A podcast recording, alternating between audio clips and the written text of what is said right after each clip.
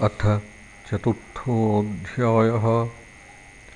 अम्बरीषचरितं श्रीशुक उवाच नाभागो न भगापत्यं यं ततं भ्रातरः कविं। यविष्ठं व्यभजन्दायं ब्रह्मचारिणमागतम् भ्रातरोभाङ्क्तकिं मह्यं भजाम पितरं तव त्वां ममार्यास्तता भाक्षुर्मा पुत्रक तदादृथाः इमे अङ्गिरसः सत्रमासतेऽद्यसुमेधसः। षष्ठं षष्ठमुपेत्याह कवे मुह्यन्ति कर्मणि। तां स्त्वं शंसयसूक् ते द्वे वैश्वदेवे महात्मनः। ते स्वर्यन्तो धनं सत्रपरिशेषितमात्मनः दास्यन्ति तेऽथ तान् गच्छ तथा स कृतवान् यथा तस्मै दत्त्वा ययुः स्वर्गं ते सत्रपरिशेषितम् तं कश्चित् स्वीकरिष्यन्तं पुरुषः कृष्णदर्शनः। उवाचोत्तरतोऽभ्येत्य ममेदं वास्तुकं वसु। ममेदं ऋषिभिर्दत्तमिति तर्हि स्म स्यान्नौ ते पितरि प्रश्नः पृष्टवान् पितरं तथा। यज्ञवास्तु गतं सर्वमुच्छिष्टमृषयः क्वचित्। चक्रुर्विभागं रुद्राय स देवः सर्वमर्हति। नभगस्तं प्रणम्याहतवेश किल वास्तुकम् इत्याह मे पिता ब्रह्मन् शिरसा त्वां प्रसादये।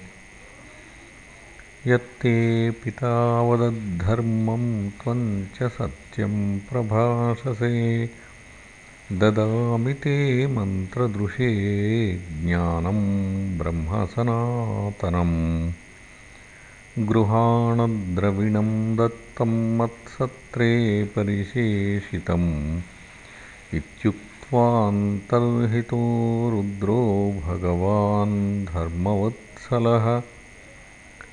य एतत् संस्मरेत् प्रातः सायं च सुसमाहितः। कविर्भवति मन्त्रज्ञो गतिं चैव तथात्मनः नाभागादम्बरीशो भून्महाभागवतः कृती। नास्पृशद्ब्रह्मशापोऽपि यं न प्रतिहतः क्वचित्। राजोवाच भगवन् श्रोतुमिच्छामि राजर्षेस्तस्य धीमतः। न प्राभूद्यत्र निर्मुक् ब्रह्मदण्डो दुरत्ययः। श्रीशुक उवाच अम्बरीशो महाभागः।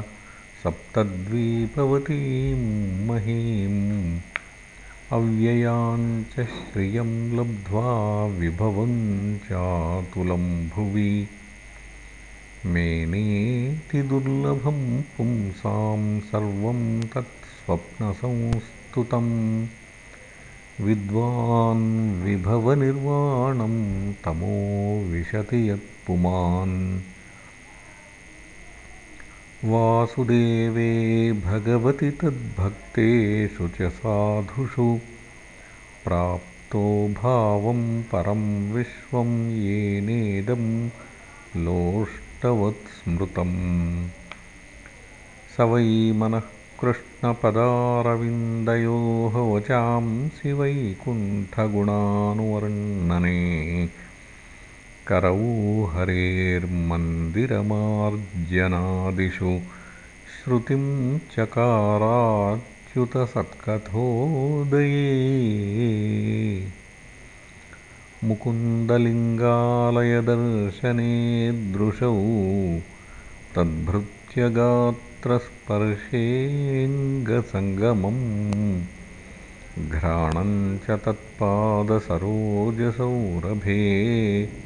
श्रीमत्तुलस्यारसनां तदर्पिते। पादौ हरेः क्षेत्रपदानुसर्पणे। शिरो हृषीकेशपदाभिवन्दने। कामं च दास्येन तु कामकाम्यया। यथोत्तमश्लोकजनाश्रयारतिः। एवं सदा कर्मकलापमात्मनः परेधियज्ञे भगवत्यधोक्षजे। सर्वात्मभावं विदधन्महीमिमां तन्निष्ठविप्राभिहितः शशासः ईजेष्वमेधैरधियज्ञमीश्वरम् महाविभूत्योपचिताङ्गदक्षिणैः ततैर्वसिष्ठासितगौतमादिभिः धन्वन्यभिः स्रोतमसौ सरस्वतीम्। यस्य क्रतुषु गीर्वाणैः सदस्या ऋत्विजो जनाः तुल्यरूपाश्चानिमिषा व्यदृश्यन्त सुवाससः। स्वर्गो न प्रार्थितो यस्य मनुजैरमरप्रियः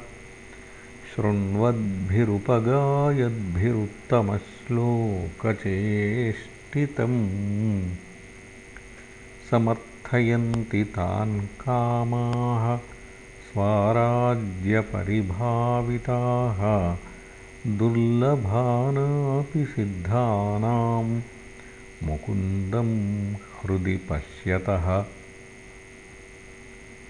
स इत्थं भक्तियोगेन तपोयुक्तेन पार्थिवः स्वधर्मेण हरिं प्रीणन् सर्वान् कामान् शनैर्जहौ।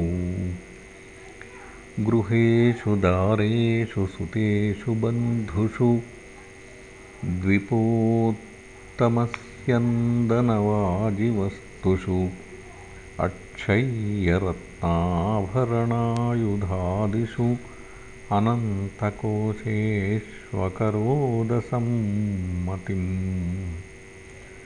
तस्मादाद्धरिश्चक्रं प्रत्यानीकभयावहम् एकान्तभक्तिभावेन प्रीतो भृत्याभिरक्षणम्। आरिराधयिषुः कृष्णं महिष्यातुल्यशीलया युक्तः संवत्सरं वीरो दधारद्वादशीव्रतम् व्रतान्ते कार्तिके मासि त्रिरात्रं समुपोषितः। स्नातः कदाचित्काळिन्द्यां हरिं मधुवनेऽर्चयतु महाभिषेकविधिना सर्वोपस्करसम्पदा। अभिषिच्याम्बराकल्पैर्गन्धमाल्यार्हणादिभिः तद्गतान्तरभावेन पूजयामास केशवम् ब्राह्मणांश्च महाभागान् सिद्धार्थानपि भक्तितः। गवां रुक्मविषाणीनां रूप्याङ्घ्रीणां सुवाससां पयःशीलवयोरूपवत्सोपस्करान् प्राहिणोत्साधुविप्रेभ्यो गृहेषु न्यर्बुदानि षट् भोजयित्वा द्विजानग्रे स्वाद्वन्नं गुणवत्तमम्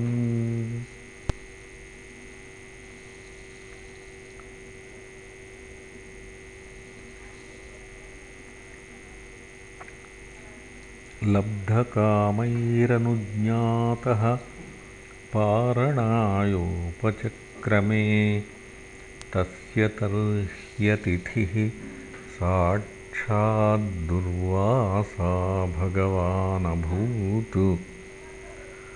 तमानत्यातिथिं भूपः प्रत्युत्थानासनार्हणैः ययाचेभ्यवहाराय पादमूलमुपागतः।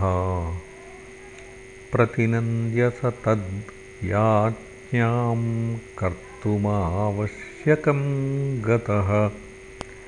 निममद्यबृहध्यायन् काळिन्दीसलिले शुभे मुहूर्तार्धावशिष्टायां द्वादश्यां पारणं प्रति चिन्तयामास धर्मज्ञो द्विजैस्तद्धर्मसङ्कटे। ब्राह्मणातिक्रमे दोषो द्वादश्यां यदपारणे यत्कृत्वा साधु मे भूयात्। अधर्मो वा न मां स्पृशेत्। अम्भसा केवलेनाथ करिष्ये व्रतपारणम् प्राहुरभक्षणं विप्राह्यशितं नाशितं च तत्। इत्यपः राजर्षिश्चिन्तयन्मनसाच्युतं प्रत्यचष्टकुरुश्रेष्ठ द्विजागमनमेव सः दुर्वासायमुनाकूलात् कृतावश्यकागतः राज्ञाभिनन्दितस्तस्य बुबुधे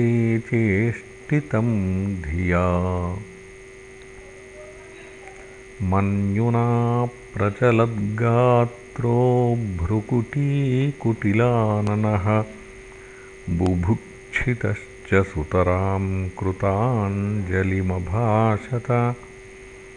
अहोऽस्य नृशंसस्य श्रियोन्मत्तस्य पश्यत। धर्मव्यतिक्रमं विष्णोरभक्तस्येषमानिनः यो मामतिथिमायातमातिथ्य ्येन निमन्त्र्य च अदत्त्वा भुक्तवांस्तस्य सद्यस्ते दर्शये फलम्। एवं ब्रुवाण उत्कृत्य जटां रोषविदीपितः तया स निर्ममे तस्मै कृत्यां कालानलोपमाम्।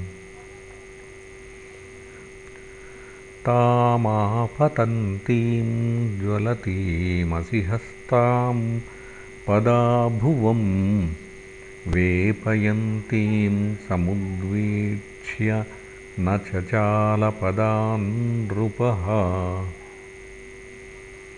प्राग्दिष्टं भृत्यरक्षायां पुरुषेण महात्मना। ददाहकृत् तां चक्रं क्रुद्धाहिमिव पावकः। तदभिद्रवरुद्वीक्ष्य स्वप्रयासं च निष्फलं। दुर्वासादुद्रुवे भीतो। दिक्षु प्राणपरीप्सया।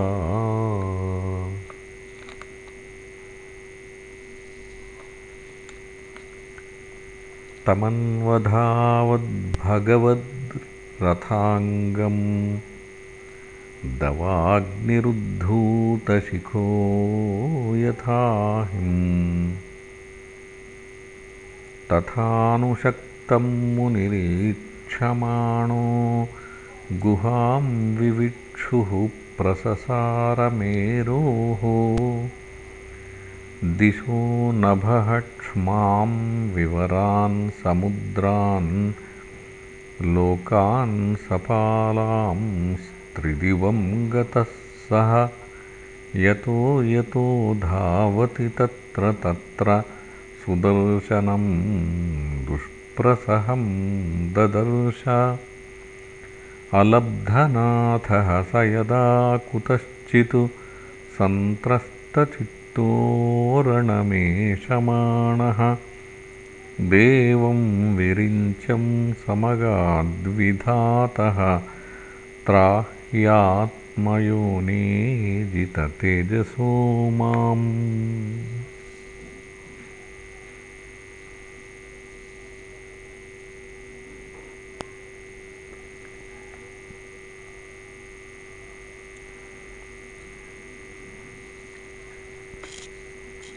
ब्रह्मोवाच स्थानं मदीयं सह विश्वमेततु क्रीडावसाने द्विपरार्थसंज्ञे भ्रूभङ्गमात्रेण हि सन्दिधक्षोः कालात्मनो यस्य तिरो भविष्यति।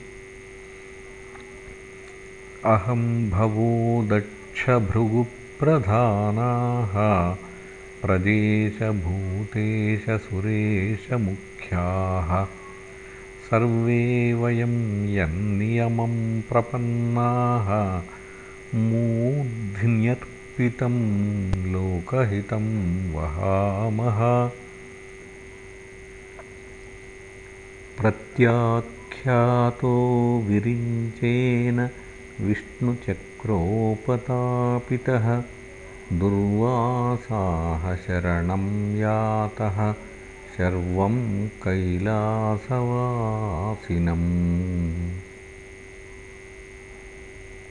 श्रीरुद्र उवाच वयं न तातप्रभवामभूम्नि यस्मिन् परेण्येऽप्यजजीवकोशाः भवन्ति काले न भवन्ति हीदृशाः सहस्रशो यत्र वयं भ्रमामः। अहं सनत्कुमारश्च नारदो भगवानजः। कपिलोपान्तरतमो देवलो धर्म आसुरिः मरीचि प्रमुखाश्चान्ये सिद्धेशाः पारदर्शनाः विदामनवयं सर्वे यन्मायां माययावृताः।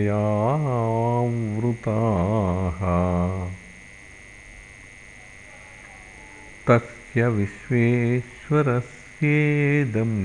शस्त्रं दुर्विषहं हि नः। तमेव शरणं याहि हरिस्ते संविधास्यति ततो निराशो दुर्वासाः। पदं भगवतो ययौ। वैकुण्ठाख्यं यदध्यास्ते। श्रीनिवासः श्रियासः। सन्दह्यमानोदितशस्त्रवह्निना तत्पादमूले पतितः स वेपथुः आहाच्युतानन्तसदीप्सितप्रभो कृतागसम्मावहि विश्वभावना। अजानता ते परमानुभावं। कृतं मयाघं भवतः प्रियाणां विधेहितस्यापचितिं विधातः मुच्येतयन्नाम्न्युदिते नारकोऽपि।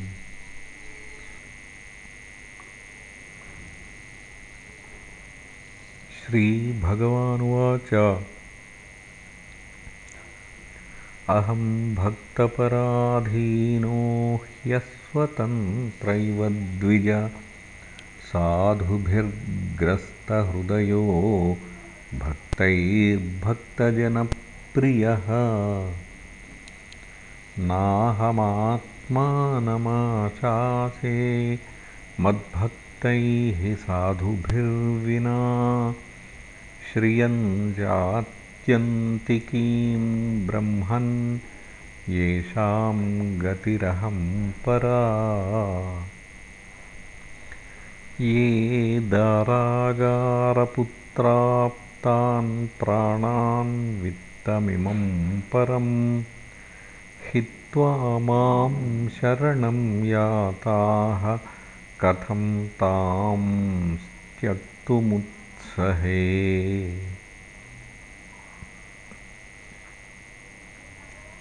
मयि निर्बद्धहृदयाः साधवः समदर्शनाः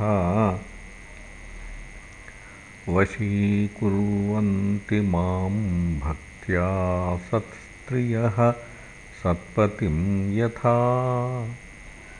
मत्सेवया प्रतीतं च सालोक्यादिचतुष्टयं नेच्छन्ति सेवया पूर्णाः कुतोऽन्यत्कालविद्रुतम् साधवो हृदयं मह्यं साधूनां हृदयन्त्वहं मदन्यत्ते न जानन्ति नाहन्तेभ्यो मनागपि उपायं कथयिष्यामि तव विप्रशृणुष्व तत् अयं ह्यात्माभिचारस्ते